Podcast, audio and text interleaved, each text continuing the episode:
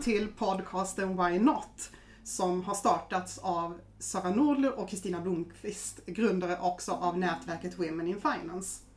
När vi startade podcasten Why Not så gjorde vi det för att vi ville inspirera människor att våga. Och när vi funderade kring vilka personer som vi själva blir inspirerade av så tänkte vi direkt på en kvinna som var med i programmet Första hjälpen, är forsknings och utbildningschef på Kry. Hon sa upp sig som verksamhetschef på norra Europas största akutmottagning för att lyssna på vad hon egentligen ville och söka efter det som var hennes verkliga syfte. Varmt välkommen! Tack! Vilken eh, presentation. Tack! Och vi tycker ju du är en jättestor inspiration och vi vill ju be dig berätta lite mer i ditt liv när du frångick din comfort zone och vågade i Why Not-andan. Jag tror jag klev långt utanför min trygghetszon eh, när jag som 18-åring kom till Sverige utan att kunna ett ord svenska. Ja. Det här var ju för sig en resa tillsammans med min familj. Pappa var politisk flykting och hade kommit till Sverige tio månader innan. Så jag kom hit tillsammans med mamma och två yngre systrar. Och eh, jag hade som liten fått en ungdomsbok om Marie Curie. Den boken var skriven av hennes yngsta dotter som var musiker, konstnär, Yvette Curie. Och den boken var sönderläst. Eh, och det gör mig ledsen faktiskt att den försvann. Den kom inte med mig till Sverige.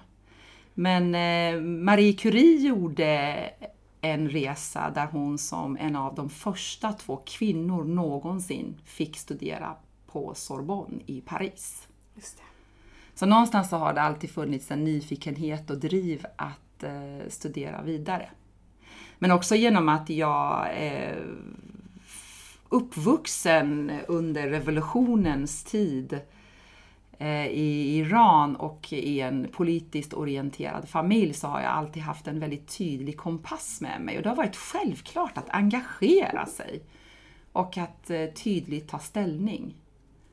Men sen när vi kom till Sverige, det var också en enorm tacksamhet över att få trygghet och ordning och reda. Så jag bara, jag bara gasade och körde. Jag minns att eh, vi, vi, först kommer man till en flyktingförläggning och sen så är lite så karantän eh, och sen så får man eh, så kallad en, en, en kommun, kommunplats tilldelad.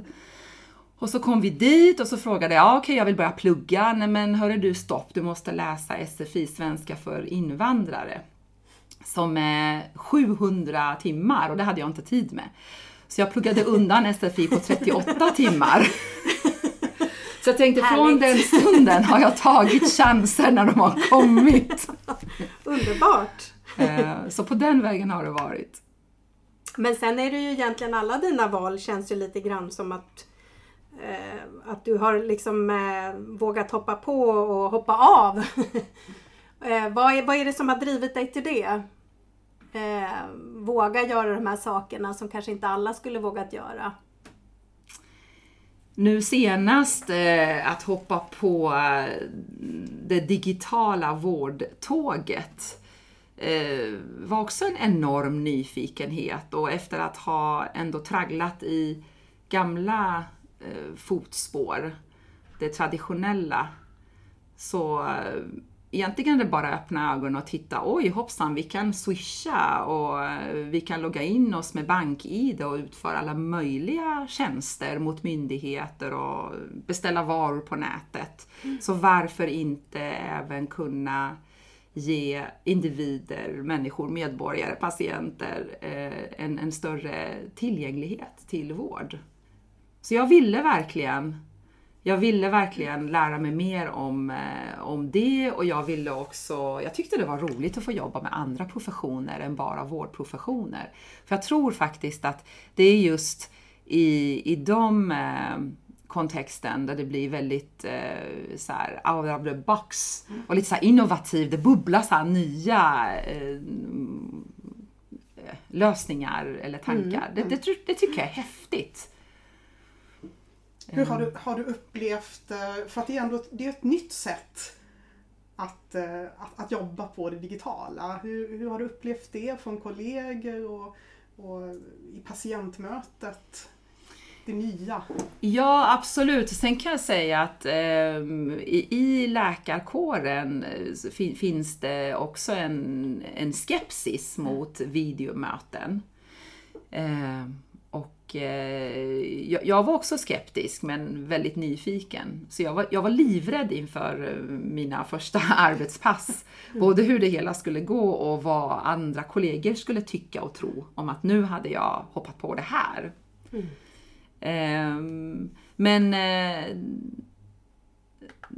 det som... Eh, ja, men, eh, en styrka är att jag upplever att patienterna är mycket mer avslappnade. Mm. Ehm, särskilt barnfamiljer. Och det är så roligt när man träffar dem i deras hemmiljö. Det är de som bjuder in en hem till soffan eller köket eller vardagsrummet. Och någon orolig förälder Mm. Eh, som behöver hjälp och coaching. Och sen så ser man att barnet sitter lite försiktigt. De deltar många gånger i samtalet och sen så småningom, de är trygga och springer runt. Och då får jag också kvitto på att de inte är allvarligt sjuka. Mm. Så det är helt fantastiskt. Sen har jag också haft patienter, jag hade här om veckan en patient, en, ja, men en kvinna i vår ålder, hon bara grät och grät och grät. Det här samtalet var i hennes vardagsrum och när hon beskrev sin vardag med eh, cancersjuka föräldrar, tonårsbarn, tufft jobb och så vidare och så vidare. Då kände jag mig riktigt, jag ska säga, att jag verkligen gjorde skillnad. Mm. För det här att hon kunde ringa mig från sitt vardagsrum och jag hjälpte henne på det sätt som passade henne. Mm. Coachade henne, stöttade henne mm. i den aktuella sjukdomen och hade en plan för fortsättningen och kunde följa upp henne. Det var riktigt bra. Ja. Tycker du att det här, ställer, det här sättet att jobba på, det ställer ju helt andra krav på läkaren också ju. För att du, du hamnar i en, själv i en annan miljö än den du är van vid och har kontroll över.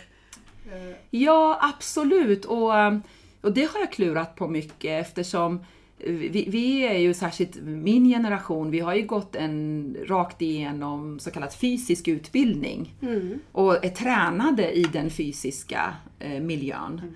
Så för mig handlar det om, nu är jag överläkare och en erfaren doktor, så jag, jag bottnar i min eh, kliniska eh, fingertoppskänsla och, och eh, vet vad jag kan och inte kan och vågar lugn och sansad lyssna, fundera, ibland coacha patienten som på ett sätt blir min förlängda arm. Mm. Och vissa saker, nej men det kräver en fysisk undersökning eller vissa åtgärder som vi inte har möjlighet. Då hänvisar jag dem vidare. Mm. Men jag vet också att många kollegor just därför är skeptiska. Mm och tycker att det här behöver förankras och utvärderas. Så, så därigenom, genom min roll som forskningschef, jag har dragit igång olika forskningssamarbeten med kollegor från Lund och från London och från eh, Karolinska institutet för att ha studier. Har du haft en tydlig målbild eller en person som bara vågar utan att ha bestämt målbilden innan? Eh, jag tror att det är lite både och. Mm. Eh, jag visste ju att jag ville bli läkare, jag ville forska, jag ville vara med och bidra, så på något sätt blev det att jag har tagit på mig chefsjobb. Och att jag också är gruppträningsinstruktör på, på Sats. Där är en timme det jag som bestämmer. Ska vi till höger så ska vi till höger, ska vi till vänster eller till vänster. Och det är alltid glad stämning. Mm. så. Men sen tror jag att eh, jag tror att jag också med åren och genom livet blivit mer ödmjuk och kanske trygg och vågar lyssna inåt. Mm. Att komma ifrån prestige och alla måsten. När jag ställs inför ett beslut, verkligen våga känna efter. Vill jag det här? Mm. Får det här mig att må bättre? Mm. Eller vill jag göra det här för att någon annan vill? Och då tror jag, när, man vågar vara sann mot sig själv, och, och, snarare, som i det fallet när jag hoppat på tåget med Kry och digitalvård, jag vill innerligt och uppriktigt bidra till att vi hittar nya lösningar och verktyg till människor där ute så att de kan ta makten över, till, över sin hälsa och sjukdom. Ja. Då tror jag att valen blir självklara. Är det något du ångrar att du inte gjort i Why Not-anda? Varför gjorde jag inte det? Nej, och även om det här nu låter klyschigt, man ska aldrig ångra något. Men vad jag kan eh, minnas är, har chansen kommit har jag tagit den. eh, sen kan det vara så att ibland har man tagit vatten över huvudet. Eh, jag fick, eh, jag fick eh, för tidigt födda tvillingar ensam. Och det var en eh, väldigt jobbig men otroligt lärorik re resa. Mm. Att själv bli patient. Plus att eh, en av tvillingarna haft, eh, behövt en hel del sjukvård av olika, på olika sätt. Så nej, faktiskt, jag ångrar ingenting hittills. Det är också att, att våga lita på sina beslut. Att vara, jag menar, man fattar beslut i livet och de, leder, de kan leda till olika håll men att man känner sig ändå nöjd med de besluten man har fattat. Ja, precis. Och jag tror, ja men absolut. Och jag tror att, alltså, att någonstans för ni vet, ibland vissa val man gör, det påverkar ju andra människor. Där, mm. där, måste man ju ha en omtanke, inte, inte bara gasa, köra. Och till exempel i arbetet som chef, där, där har jag ju också lärt mig och blivit mer varse om hur viktigt det är att få med sig hela teamet såklart. Mm. Det går inte att eh, springa där framme och tro att alla andra ska springa efter. Utan, mm. Men det är också det som är så roligt tycker jag, för att jag är uppriktigt intresserad av andra människor. Mm. Jag tycker det är kul med interaktion. Mm. Jag tycker att eh, varje person, hos varje person finns något att hämta. Mm. Antingen att jag direkt lär mig eller interaktionen får mig att reflektera över, oj, hur, eh, alltså min perception eller hur jag tolkar eller hur jag blir tolkad. Mm. Så jag tror att om man nu eller som jag då som är intresserad av egen personlig utveckling så är alla möten väldigt spännande. Vi pratar kvinnoperspektiv ibland också. Kan du se något sådant perspektiv? Svårt, men ja. det, det, första som poppar upp i huvudet det är förebilder. Mm. Jag tror vi behöver ha förebilder. Det har kanske inte varit så konstigt förr när det bara varit män som har funnits i framstående positioner. Mm. Jag tänkte innan, vi pratade lite grann innan här, så nämnde du både din mamma och din mormor och liksom just starka kvinnor. Ja. Eh, alltså, mm. Också som vi alla kan nog reflektera kring mm. också i våra liv. Ja. Att vi, vi har ju många på nära håll. Mm. Jo men det är sant, jag håller med. Och hemifrån har jag alltid eh, fått höra, både mamma och pappa, Nassim du kan göra precis vad du vill. Mm. Du kan göra precis vad du vill. Ja. Så de har Underbart. aldrig satt mm. några hinder. Nej. Och det är snarare så att min mamma sa ju, um, man kan ju tycka att det kan sätta press på någon annan, men hon uttryckte alltid att hon saknade att hon inte blev, fick läsa vidare. Hon, hon hade velat läsa vidare, mm. men hon fick inte den chansen. Jag har aldrig upplevt det som press, men någonstans ändå har det varit mm, i bakhuvudet och hon på olika sätt underlättade för oss tre barn. Nu har vi alla tre valt att plugga, eh, men hon underlättade det. Mm. Och det öppnar ju dörrar, ja. att ha en utbildning, särskilt om man kommer ny till ett land. Jag tänker också, vi pratade lite grann också förut om du kan tipsa om någon annan person som du skulle tycka skulle vara med på podden eller inspirerande människa. Vem har varit din förebild? Är mamma, mormor? Är det någon ytterligare? Ehm, åh, det är nu man skulle haft någon så här ett S i rockarmen. Och jag kommer att ångra mig. Det här kommer jag att ångra att jag inte kom på. Ja, men Sheryl Sandberg skulle man vilja mm. höra live faktiskt. Mm. Eh, eftersom jag fick boken av min man Lean In. Hon mm. drog ju verkligen igång en rörelse ja. där. Mm. Det... det, har hon. Ja.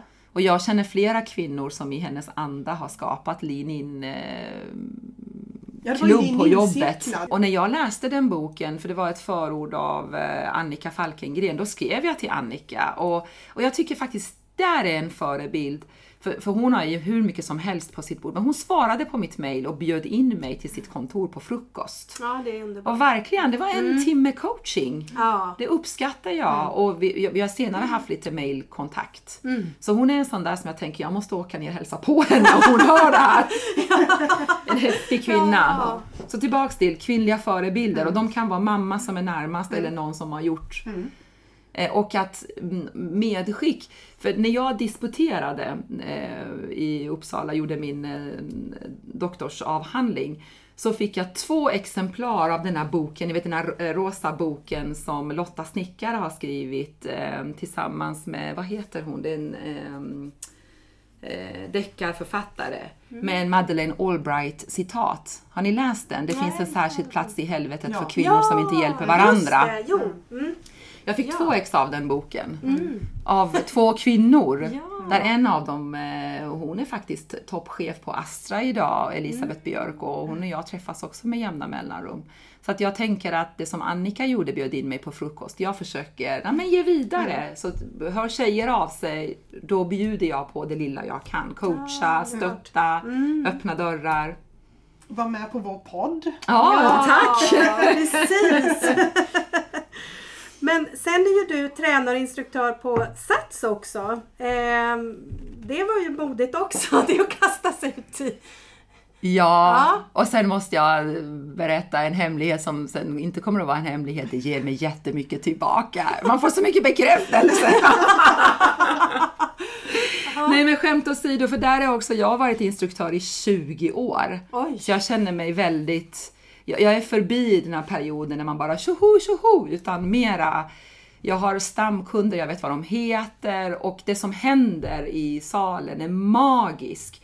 Vi har samlat pengar till Cancerfonden, vi har peppat varandra, jag har talat om när det har varit jobbigt under de perioder min pappas sjukdom har varit jobbigt. Jag har berättat för gruppen när någon kompis har gått bort i cancer. Så att vi tillsammans peppar varandra och de kommer efteråt och säger idag hade jag en jobbig dag Nassim, men tack. Ja. Så att de klasserna ger otroligt mycket tillbaka. ja. Och jag har haft eh, två licenser eh, inom eh, skivstångsstyrketräning och kampsport och nu har jag lagt till yoga pilates för att jag ville ha helheter. Och där tror jag tillbaka till beslutet i höstas att sluta dit jag är på väg. Jag vill på olika sätt skapa positiva helheter. Och där tror jag tillbaks till empowerment. Ge individen verktyg och jag hoppas att jag kan hjälpa de som går på mina klasser. För de, de har ändå investerat den timmen i sin egen hälsa och att komma tillbaka, det blir ett sätt. Men det tycker jag också är så härligt att, jag menar hälsa är, det är också en helhet. Hela kroppen Ja. och, och allting ska må bra. Det är inte bara liksom, armen ska må bra utan hel, det är helheten. Precis.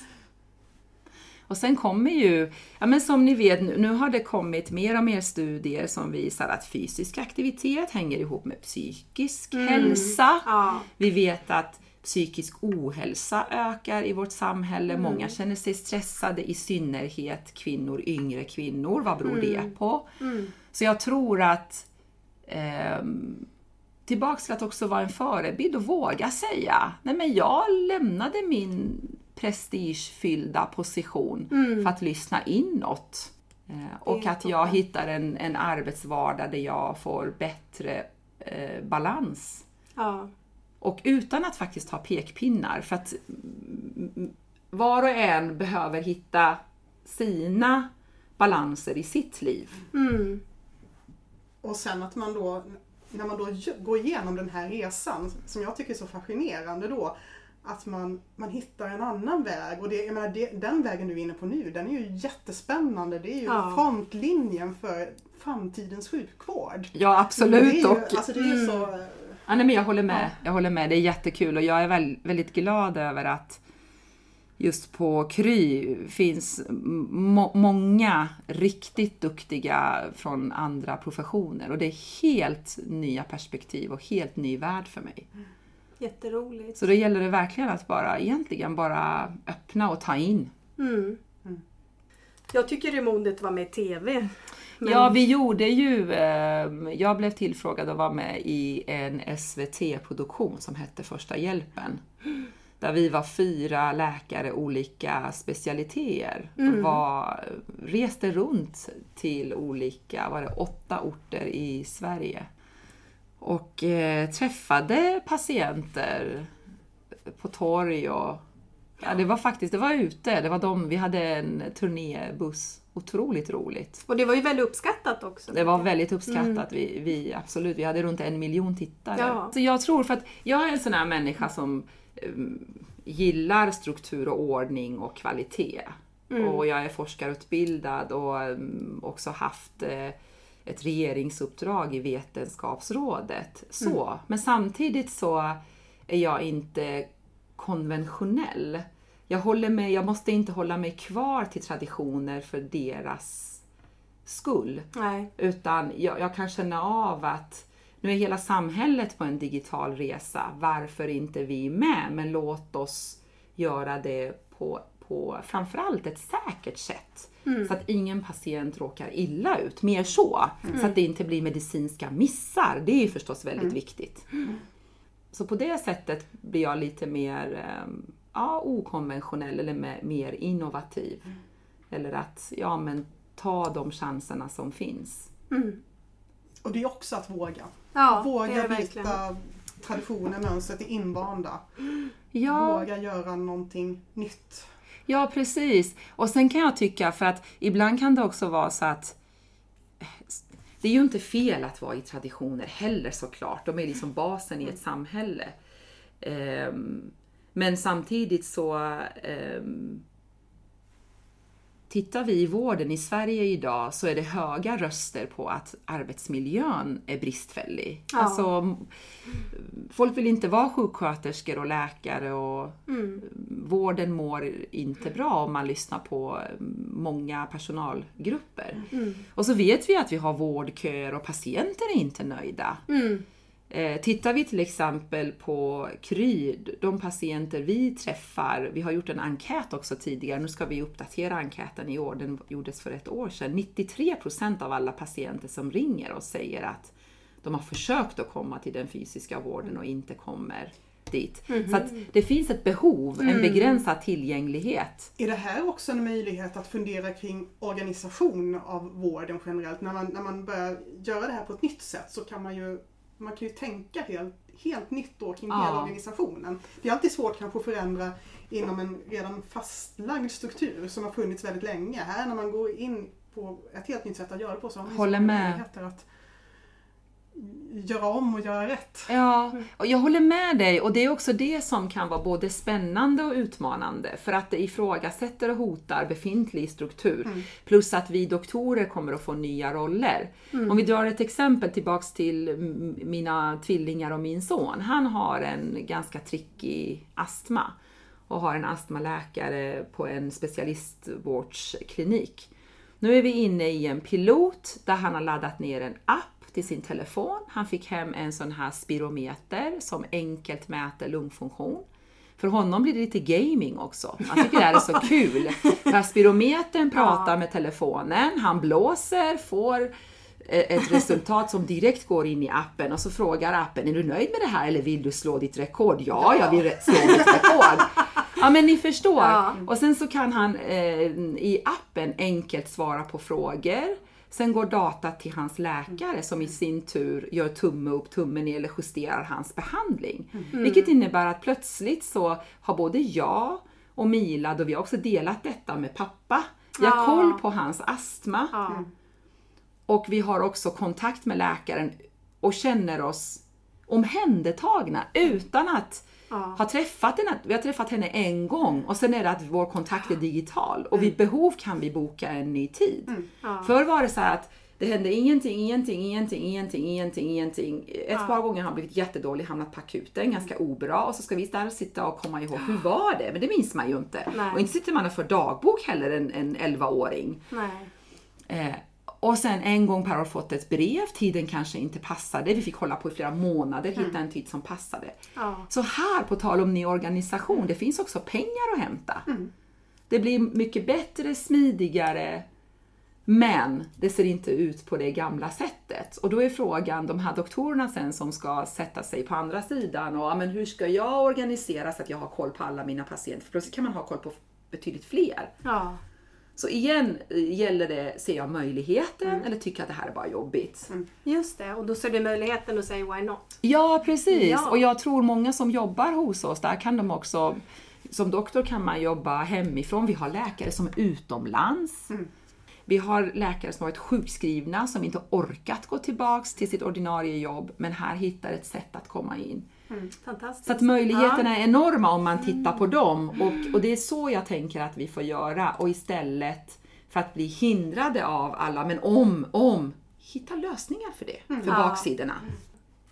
Tusen tack får vi säga då. Ja, tack så mycket. tack själva. Ja.